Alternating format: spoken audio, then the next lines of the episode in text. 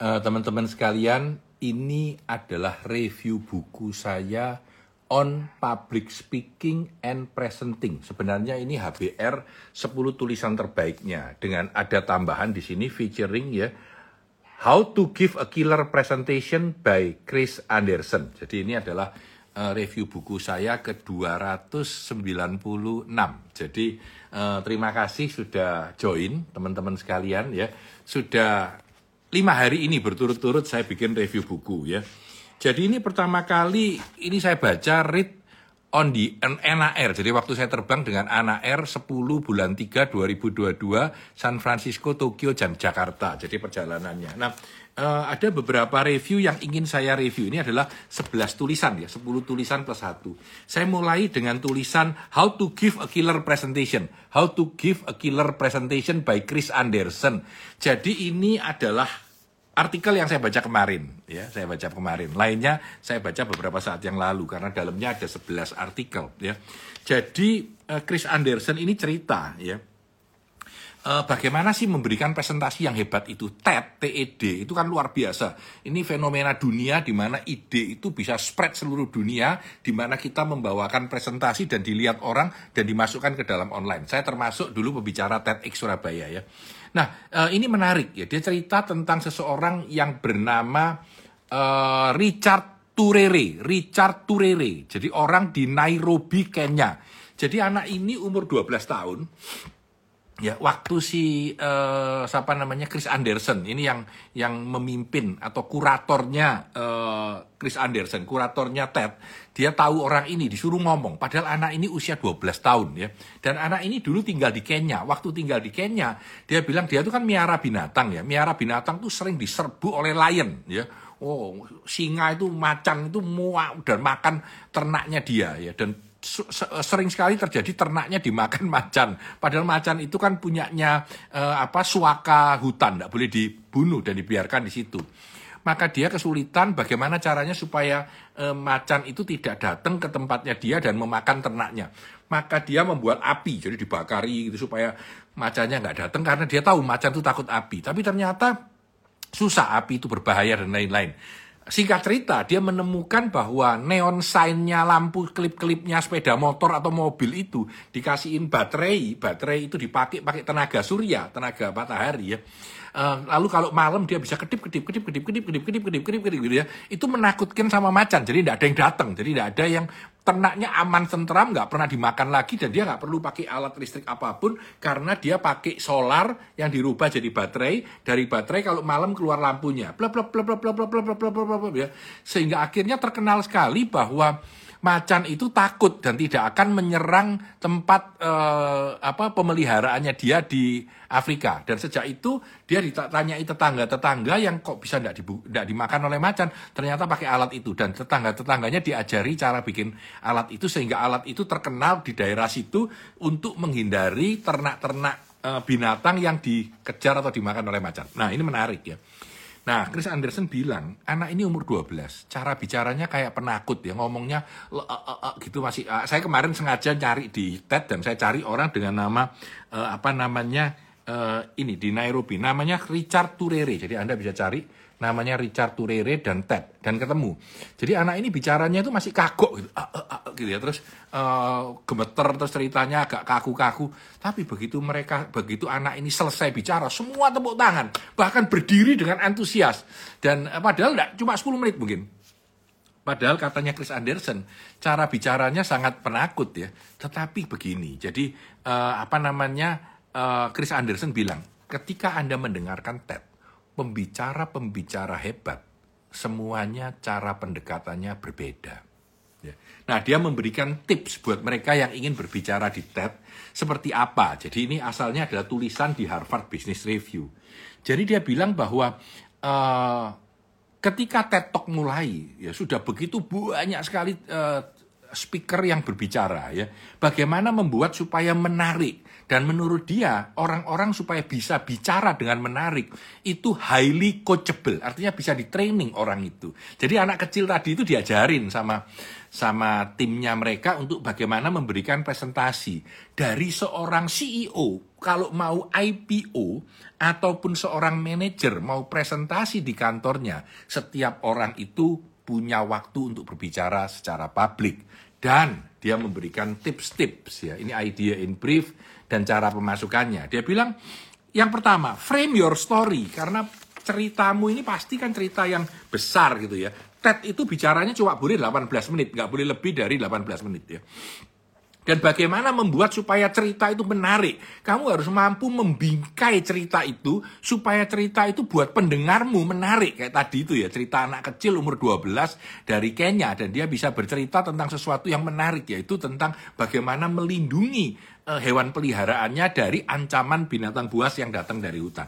Dia bilang begitu. Jadi dia bilang kadang-kadang problem terbesar kita adalah pengen cerita sebanyak itu, semuanya dimasukkan. Padahal frame itu tidak perlu terlalu banyak. Asal Anda menarik satu cerita aja yang bagus, yang menarik itu udah cukup gitu ya uh, apa namanya saya jadi ingat ceritanya David and Goliath ya yang jadi artikel buku dan jadi bukunya Malcolm Gladwell. Jadi satu cerita pendek yang dibingkai dengan cantik menjadi sebuah frame yang menarik. Problem terbesar adalah semua orang ingin menceritakan terlalu banyak. Ya, itu satu.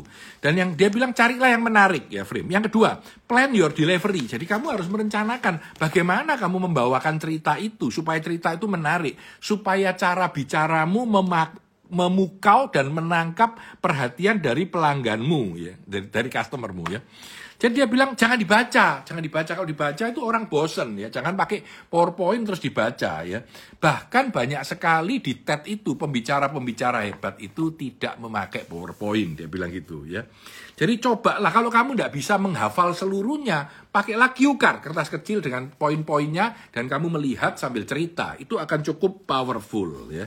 Dia bilang bahwa develop stage present, latihlah bahwa berdiri di depan umum itu harus merupakan sebuah ilmu yang kamu pakai gitu ya.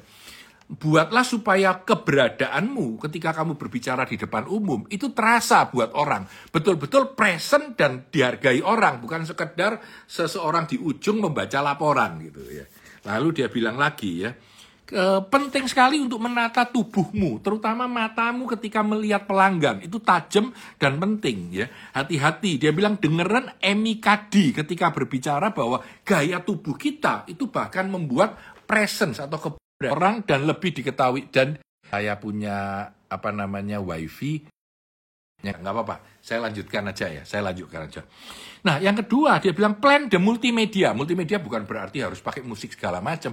Tapi apakah dia bilang e, waktu di TED ada seorang saya lupa namanya siapa tadi ya berbicara tentang otak itu membawa sesuatu di tangannya gini. Dan lalu dia bilang sama orang ini otak manusia. Eh, sungguhan. Wow semua bulu kuduknya berdiri. Nah itu menarik karena ada sesuatu yang mengcapture perhatian orang dia bilang gitu ya Lalu dia bilang pakai video atau tidak terserah Anda. Setiap orang berbeda ya. Lalu bagaimana Anda menyampaikan supaya itu menarik di dalam perjalanannya ya. Jadi Anda harus kelihatan punya di dalam artikel ini, di dalam artikel ini, uh, sebentar, ya oke, okay, koneksinya putus-putus. Sebentar ya, saya coba saya betulin sedikit internetnya.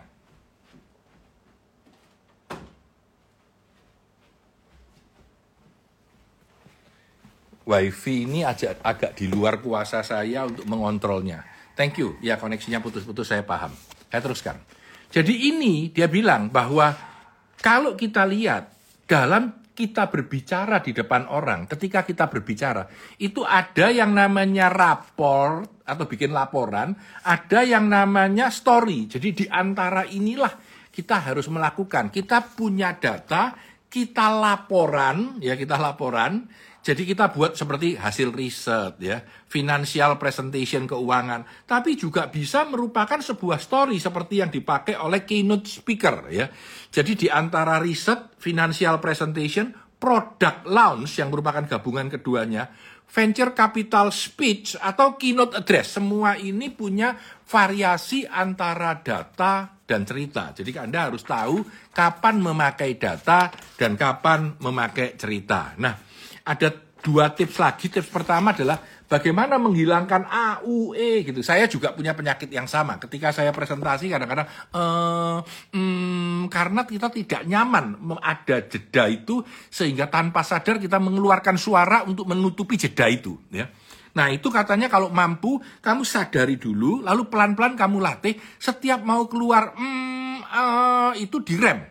Lalu buatnya supaya itu menjadi sebuah jeda, hening. Itu lebih baik jauh lebih baik. Lalu melatih diri kita untuk bisa mengatasi hal itu. Itu satu poin. Satu poin lagi adalah 10 tips. Saya tidak akan baca satu-satu, tapi ini 10 tips yang akan menghancurkan presentasi Anda. 10 tips yang akan menghancurkan presentasi Anda. Jadi Anda harus melihat, eh, saya kasih contoh, saya petik aja beberapa. Misalkan memakai terlalu banyak waktu untuk menjelaskan, aku mau ngomong apa. Tidak usah, langsung aja jalan, langsung aja bicara ya terlalu perlahan sehingga membosankan atau terlalu dramatis berlebihan juga tidak baik. Jadi ada 10 tip ya eh, yang membuat kita bisa memperbaiki presentasi kita dengan menghindarinya. Nah, itulah artikel pertama yang ingin saya sharing. How to give a killer presentation. Ya, ini yang pertama. Nah, saya akan lompat, saya akan memberikan review terhadap uh, hal lain ya. Uh, nah, saya suka ini. Connect dan lead. Ya, saya baca tanggal 28 bulan 3 2022 ini ya. Jadi dia bilang connect dan lead, lead ya. Warm, hangat dan competence. Jadi dia bilang gini, ketika seorang leader di depan, leader itu mau berbicara sama orang banyak ya, mau memberikan presentation, mau cerita, mau melit orang ya, mau membuat supaya orang uh, lebih lebih termotivasi, mau anak buah bekerja keras ya. Dia bilang bahwa lebih penting kehangatan, perasaan, emosi didahulukan. Baru setelah itu kita memimpin. Nah ini menarik ya. Ini katanya e, jadi sebuah kontroversi. Apakah kita harus tegas dulu? Apakah kita harus terlihat kompeten dulu? Apakah kita harus terlihat strong dengan segala pengetahuan dan rencana? Ataukah kita mendahulukan emosi? Ternyata kita harus masuk dengan mendahulukan emosi lebih dulu. Menunjukkan kehangatan jiwa kita terhadap orang. Melihatkan bagaimana kita berkonek dengan audiens, baru setelah itu data dan pekerjaan lainnya. Jadi dia bilang happy warrior, jadi harus jadi happy warrior. Jadi uh, warrior yang penuh ke, uh, kesukacitaan ya. Dia bilang yang pertama itu harus warm ya. Karena Eh, pengunjung kita atau penonton kita atau audiens kita itu menginginkan rasa kebersamaan ya. Us versus them kita dibandingkan orang lain. Jadi merasa memiliki menjadi satu dari bagian kita ya. Desire to be understood. Jadi audiens itu ingin untuk dia dipahami dulu ya. Di jadikan manusia dulu ya diutamakan dulu baru dipimpin baru ditunjukkan hal-hal yang kritikal di dalam hal itu. Jadi di dalam uh, apa namanya kita berbicara perlu juga untuk lebih perhatian terhadap emosi dari audiens kita ya. Ini kebetulan saya dari Surabaya ke Bali saya coret-coret. Jadi kebiasaan saya kalau saya bawa buku saya baca saya coret-coret kapan bacanya ya. Lalu bagaimana bacanya kira-kira gitu ya. Nah ini ditanyakan bagaimana style orang nah ini menarik ini ada gambar yang menarik di sini dikatakan bagaimana people react to your style. Gayamu seperti apa, maka orang akan bereaksi seperti itu ya. Kalau kamu aktif engagement dan support itu admiration, orang dibanggakan. Kalau aktif engagement terus ada pasif harm, merugikan orang, itu dibuat orang aduh aktif harm, jadi di me, me, membuat orang ya. Kalau bagus itu disebut envy, jadi ada ada style orang yang biasanya membuat orang merasa bangga, merasa suka atau merasa tidak nyaman dengan orang itu ya. Jadi ini adalah tentang uh, public speaking. On public speaking and presenting ya. Jadi Harvard Business Review 10 artikel uh, yang saya review pada hari ini review buku Tanah di Santoso yang ke-296. Oke, saya lompat lagi ya, sudah selesai. Oh, ini ada tambahan, ada tambahan sebentar ya. sebaiknya sarannya kamu harus senyum. Dan ketika senyum kamu harus dengan sepenuh hati, smile ya, dan minute memaksakan diri ya. Nah ini bagaimana memprojecting warm sebagai contoh ya. Jadi orang yang seperti ini itu terlihat dingin ya, terlihat dingin ya. Ini sebagai cold. Kalau orang tangannya terbuka gini eh, terlihat hangat gitu, terlihat hangat gitu ya. Lalu kalau duduk seperti ini itu juga terlihat warm ya, warm ya yang ini. Kalau yang ini terlihat tidak perhatian, ini tidak perhatian gitu ya. Jadi gaya tubuh kita tanpa sadar mengundang orang lain memberi pendapat tentang kita. Jadi kita harus mempunyai pada akhirnya kita harus mempunyai sebuah gaya yang cocok dengan cara kita memberikan presentasi. Oke, itu itu uh, artikel lain. Saya coba artikel yang berbeda ya. Hmm, nah ini aja. Nah ini, the necessary art of persuasion. Bagaimana kita mempengaruhi orang lain. Bagaimana kita mem, mem, mempersuasi orang ya. Uh, ini menarik. Dia bilang bahwa saya saya baca banyak buku tentang persuasion dan saya belajar banyak buku tentang persuasion dan saya mengajar banyak tentang persuasion. Jadi di sini ada empat empat poin yang menurut saya bagus banget ya empat poin untuk mempersuasi orang. Saya akan sharing empat poin ini dengan sederhana ya. Yang pertama, establish credibility. Jadi ketika Anda mau mempengaruhi seseorang, mempengaruhi audiens, mempengaruhi uh, se dalam sebuah seminar, Anda harus mengestablish kredibilitas Anda. Karena itu kalau Anda lihat dalam seminar, saya pernah ini, saya sukses ini. Sebenarnya apa yang dilakukan oleh pembicara itu untuk mengestablish credibility bahwa dia memang layak berbicara di depan Anda dan layak didengarkan. Dengan itu jalan, maka orang akan merasa, oh aku perlu dengar dia dan itu disebut establish credibility. Kalau kita mampu mengestablish credibility di dalam sebuah percakapan itu akan memudahkan orang lain mau mendengarkan Anda. Itu yang pertama. Yang kedua, frame goal on common ground. Ini menarik. Frame goal on common ground. Saya berbicara ya uh, bukunya ini buat teman-teman yang baru join ya on public speaking and presenting ya. Uh, nanti akan jadi rekaman juga bagi yang ketinggalan. Jadi uh, apa namanya frame goal on common ground. Ketika kita berbicara, ya saya bercerita tentang bagaimana persuasi, maka saya harus membuat pendengar saya dan saya sama-sama di dalam uh, tujuan yang sama bahwa persuasi ini berguna untuk mereka. Contohnya sekarang saya berbicara tentang public speaking. Saya harus meyakinkan supaya public speaking ini buat Anda penting. Dan buat saya punya pengalaman dan credibility penting juga. Ketika kita punya common ground, kesamaan pemikiran ya, itu akan membuat uh, apa namanya kita lebih mudah untuk sama-sama saling belajar gitu ya. Ya, oke. Okay. Ada yang bertanya Eh, menurut Pak San kepemimpinan adalah sebuah bakat atau talenta tanpa harus mengikuti kursus atau harus diikuti. Kepemimpinan itu secara umum adalah 50% bakat, 50% pembelajaran. Jadi orang yang punya bakat akan lebih mudah belajar, tapi orang yang belajar terus dan bakatnya kecil tetap juga akan mampu. Itu jawaban saya. Terima kasih. Nah, yang ketiga, setelah frame goal on common ground, vividly reinforce your position. Selalu Anda memberikan penguatan, reinforce bahwa posisimu ini seperti ini. Ini yang kamu anggap penting. Ini yang ini. Ini adalah mau saya. Dan saya yakin ini adalah penting buat Anda. Itu nomor tiga. Vividly reinforce your position. Selalu reinforce posisi Anda di situ dan membuat orang itu merasa nyaman dengan Anda. Dan yang keempat, connect. Teman-teman sekalian, artinya lagi banyak. Connect. Maksudnya adalah kalau kita mampu berkonnect akan lebih memudahkan audiens kita memahami kita dan mau mendengarkan kita dan mau ter uh, ter in apa terinfluence ya. itu kira-kira. Jadi empat hal ya. Jadi uh, anda harus bisa mempengaruhi orang ketika anda sedang melakukan pembicaraan dalam public speaking. Oke itu yang uh, artikel ketiga. Dan ini artikel yang terakhir keempat the science of pep talk. Menarik ya pep talk itu di sini maksudnya e, ngobrol ringan. Jadi teknologi e, apa sih ilmu di belakang pep talk, pembicaraan ringan itu apa? Dia bilang gitu ya. Intinya adalah kita harus mampu ketika berbicara sebentar naik pesawat, duduk. Tadi pagi saya minum kopi bersama e, apa namanya? e, teman saya Pak Made sama Pak Made Agus tadi pagi uh, minum kopi dan di situ terjadi pep talk, ngobrolan ringan. Dan bagaimana obrolan ringan itu bisa menjadi sebuah ilmu yang mempengaruhi orang yang mengajak orang lebih baik. Nah, ini ada beberapa poin yang menurut saya cukup oke okay, ya.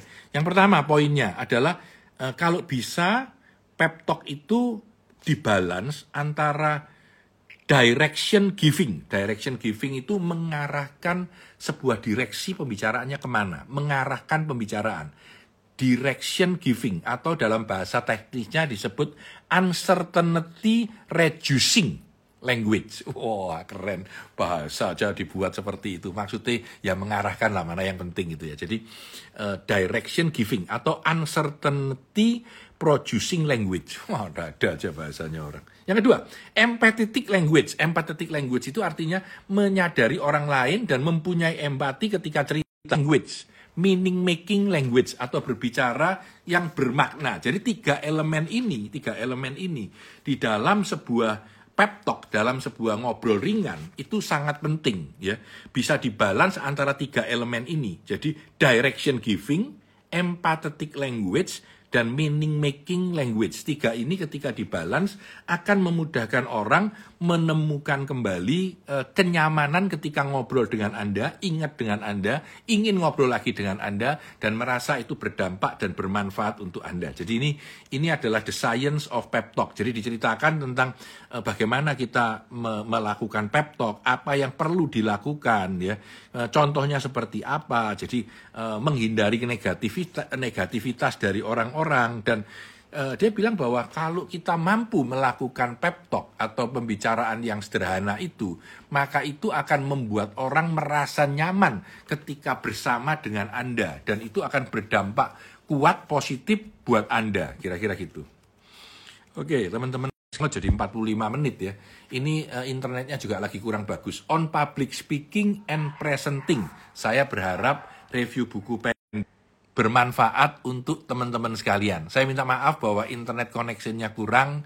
Uh, selamat hari Lebaran, mohon maaf lahir batin ya. Ini sudah hari ketiga, ya hari ketiga ya.